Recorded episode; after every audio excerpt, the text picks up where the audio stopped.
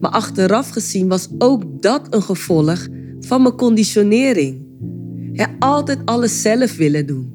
je moet onafhankelijk zijn, je moet zelfstandig zijn. Je hoeft geen hulp te vragen. Ik snapte nu dat ik hulp nodig had, anders kwam ik hier niet uit.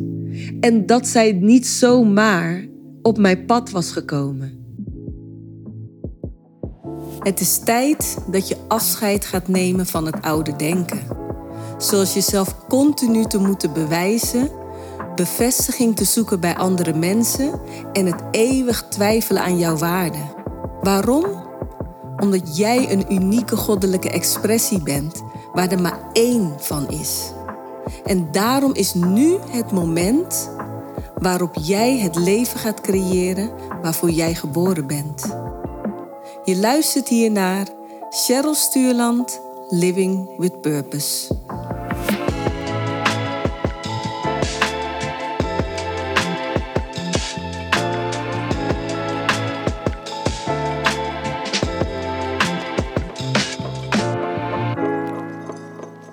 De belangrijkste stap die ik heb genomen is die van het overlevingsbewustzijn naar het creëren van het leven waar ik voor geboren ben. En die stap die nam ik bijna 20 jaar geleden op 21-jarige leeftijd toen ik ging studeren. Want op dat moment had ik niet bepaald de track record van iemand die heel erg succesvol een studie zou kunnen afronden. Sterker nog, ik had drie keer een beroepsopleiding, een poging gewaagd om te beginnen.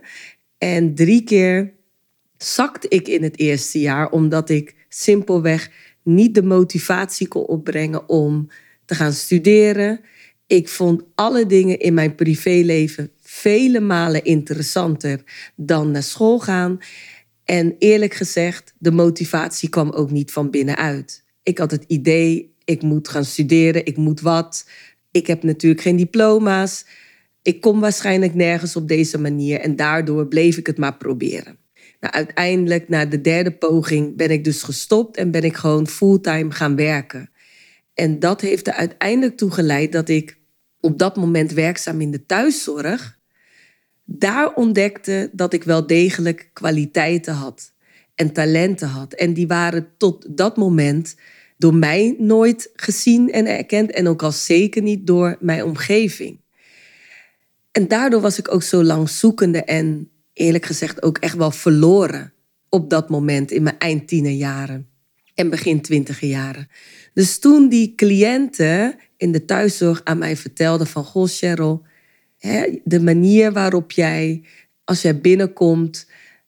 mij empowert en uplift en zo'n positieve energie achterlaat... misschien moet je hier wat mee.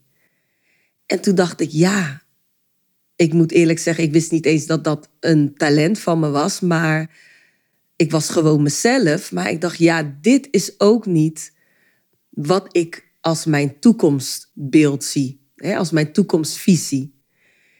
Dus wellicht moet ik gewoon weer een poging wagen om te gaan studeren.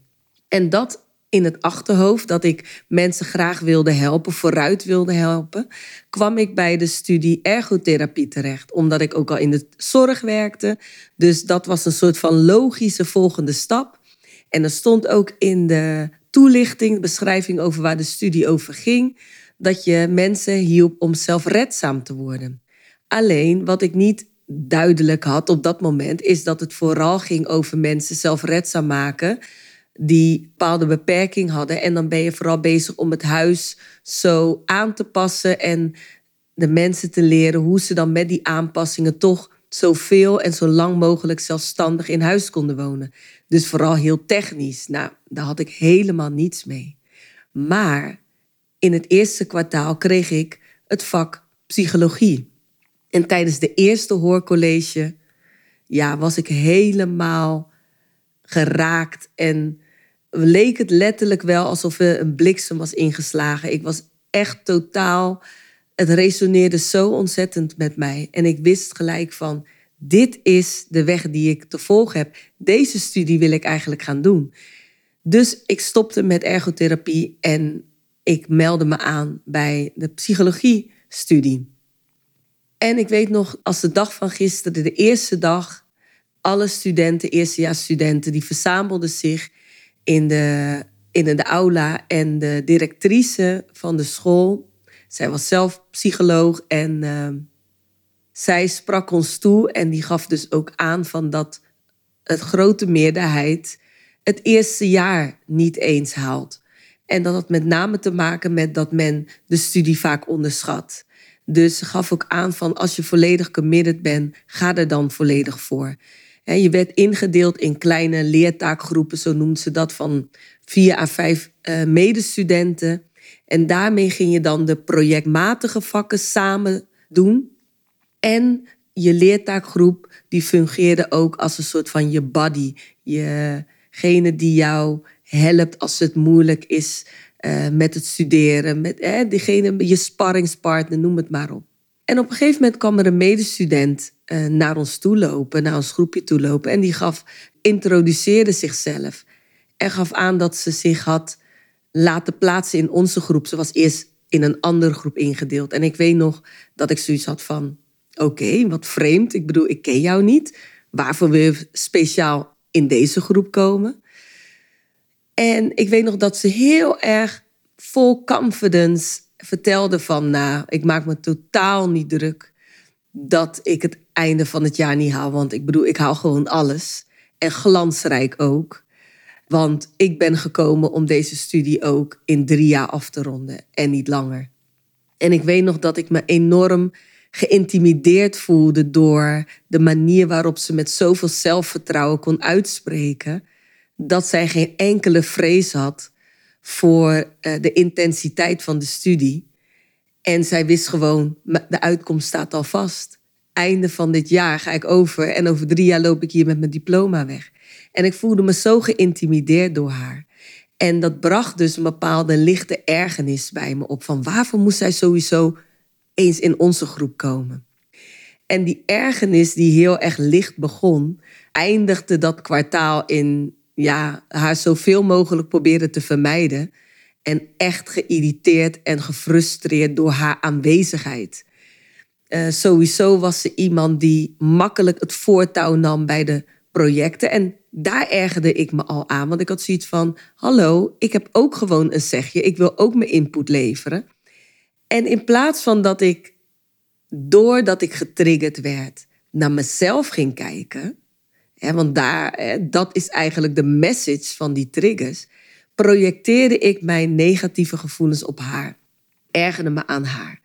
Nou, uiteindelijk kwamen we er dan wel uit met die projecten, want ze zag ook wel dat ik, hè, dat ik talenten en kwaliteiten had die goed van nut kwamen bij die projecten. Maar het bleef altijd een beetje botsen met haar.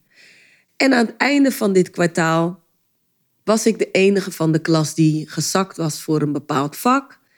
En ja, letterlijk met hakken over de sloot die andere vakken had gehaald. En ik besefte op dat moment dat ik echt voor een kruispunt stond. Want op deze manier, net met hakken over de sloot, die vakken halen. En het volgende kwartaal bouw je voort op de kennis die je nu al hebt.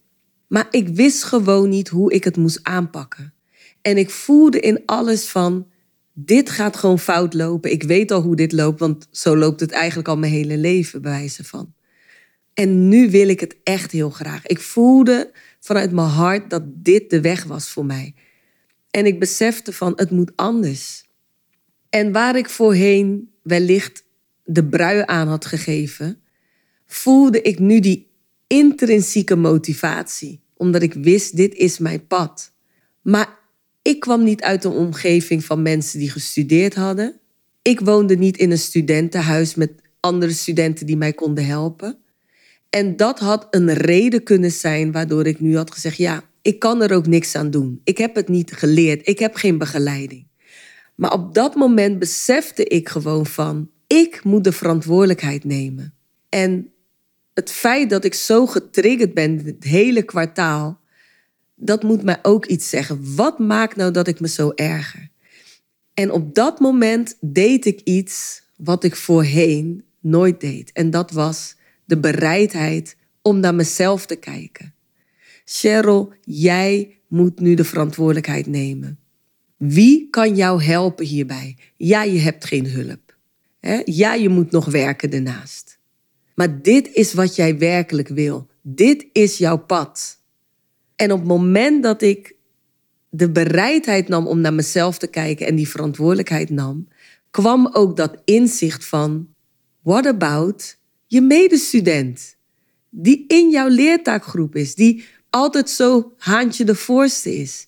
Die fluitend het eerste kwartaal door is gekomen. Want je kunt je natuurlijk wel voorstellen dat haar eerste kwartaal prachtige resultaten had voortgebracht. He, zij was volledig voorbereid ook weer op het tweede kwartaal. En ik besefte opeens van, zij was daar al die tijd. Al die tijd had ik me geërgerd aan haar. Maar was dit niet de boodschap die voor mij bedoeld was? wat was die trigger in mij? Wat was de boodschap die ik daaruit moest halen? En dat was met name dat zij iets demonstreerde. Wat ook in mij zat, maar waar ik op een of andere manier niet bij kon. Ik geloofde dat ik dat klaarblijkelijk niet in huis had. En, dat, en daardoor ergerde ik me zo aan haar. Maar nu besef ik dat ze eigenlijk mijn grootste geschenk is. En toch voelde ik op dat moment ook wel enige trots om die drempel over te gaan, om haar daadwerkelijk om hulp te gaan vragen. Misplaatste trots, want ik bedoel, wat wil je met je trots het einde van het schooljaar niet halen? Uiteindelijk aan het einde van je leven je potentie niet leven, alleen maar omdat je niet bereid was om hulp te vragen? En ik achteraf gezien, ik heb die trots opzij geschoven, want ik zag dat het nergens op sloeg. Maar achteraf gezien was ook dat een gevolg van mijn conditionering. altijd alles zelf willen doen. je moet onafhankelijk zijn, je moet zelfstandig zijn. Je hoeft geen hulp te vragen. Ik snapte nu dat ik hulp nodig had, anders kwam ik hier niet uit. En dat zij niet zomaar op mijn pad was gekomen. Ik heb hier ook een video over gemaakt. Dat is volgens mij mijn tweede video ooit voor uh, mijn YouTube-kanaal. Herken de boodschappers in je leven. Zij was mijn grootste geschenk. En ik besloot hem nu aan te nemen. Dus ik ging naar haar toe en ik vroeg haar: Zou je mij willen helpen? Want klaarblijkelijk weet ik niet wat ik moet doen om hier een succes van te maken en jij wel. Dus kan jij mij helpen om ook een succes te maken van mijn studie? En zij reageerde ontzettend liefdevol. En ze zei ook tegen mij van ik, dat ze mij bewonderde. Juist door mijn gesprekstechnieken, door de kwaliteit die ik heb om heel snel contact te maken met mensen. En ik had echt zoiets van, oh, ik was me totaal niet bewust van mijn waarde en dat ik ook iets te bieden had. En dat we elkaar dus verder konden helpen. En ja, de rest is werkelijk geschiedenis, want einde van dit jaar, einde van dat schooljaar, was ik samen met een andere medestudent uit die leertaakgroep, waren we dus de enige drie die alles hadden gehaald. En die ons, die, de enige drie die de propenduizen ook had gehaald. En vanaf dat moment begon alles te shiften. Een jaar na dat besluit, als je toen naar mijn leven keek, want waar ik in eerste instantie dacht, dat het alleen maar een besluit was voor mijn studie, veranderde ik totaal. En dat is wat ik nu achteraf zie als de shift die ik maakte van uit het overlevingsdenken naar het creëren. Dat wist ik op dat moment niet, maar door die dat besluit te maken, shifte ik. Waardoor ik dus een heel ander leven ging creëren. ik trof een nieuwe partner die mij volledig ondersteunde in wat ik ook wilde doen. Ik kreeg andere vrienden en mensen die ook bezig waren met waar ik mee bezig was. Ik ging ondernemen. Dat is denk ik wel de grootste shift geweest ook. Want daarvoor, ik wist niet dat ik ondernemerskwaliteiten had. Dat ontdekte ik ook weer tijdens het studeren. Ik wist niet eens dat ik dat leuk vond. Er is zoveel kwaliteiten die ik in mezelf ging ontdekken doordat ik die shift maakte van het overleven naar het creëren. En dus die bereidheid had om naar mezelf te kijken. En zonder enige ondernemingservaring startte ik mijn eerste onderneming op mijn 25ste. En daarvoor, ik zou waarschijnlijk niet weten waar ik had moeten beginnen. Of ik had niet de moed gehad om het te proberen. En nu had ik zoiets van, why not? Tuurlijk ga ik dat doen. er, was geen, er waren geen blokkades meer op dat vlak. En zo ben ik mezelf gaan ontwikkelen en kwam ik letterlijk uit het overleven en brak ik of verbrak ik dat patroon waar ik dus al zo lang in vast zat. Van het continu mislukte studiepogingen wagen. En ook omdat ik van binnenuit niet gemotiveerd was. Dus dat is waar ik jou mee wil inspireren met deze video van er is een mogelijkheid om je leven te veranderen als jij de bereidheid hebt om naar jezelf te kijken. En daarom heb ik ook het programma Release ontwikkeld. Ik ben begin van 2023 ben ik daarmee gestart. Omdat ik gewoon zag van ik heb het vermogen in mij om mensen te helpen die eerste stap te maken. Waarom? Eén, omdat ik natuurlijk de opleiding heb gedaan om mensen te kunnen begeleiden. Maar het allerbelangrijkste is dat ik zelf het pad heb bewandeld. Ik weet wat je tegenkomt en wat er voor nodig is om die shift te kunnen maken.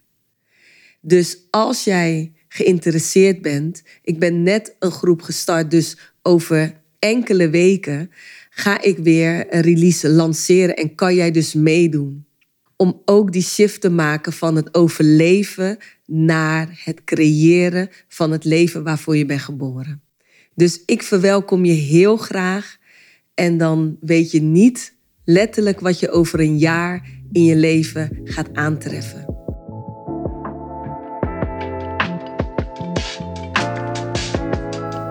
Waar voel jij je na deze aflevering toe uitgenodigd? En hoe zou jij nog meer expressie kunnen geven aan jezelf? Deel dit met mij via mijn social media kanalen of in een persoonlijk bericht aan cheryl.cherylstuurland.nl. Door op de volgknop te drukken ben je altijd op de hoogte wanneer er een nieuwe aflevering voor jou klaarstaat. Dus vergeet dat niet te doen. En dan zeg ik voor nu, dankjewel Purpose People voor het luisteren en till next time.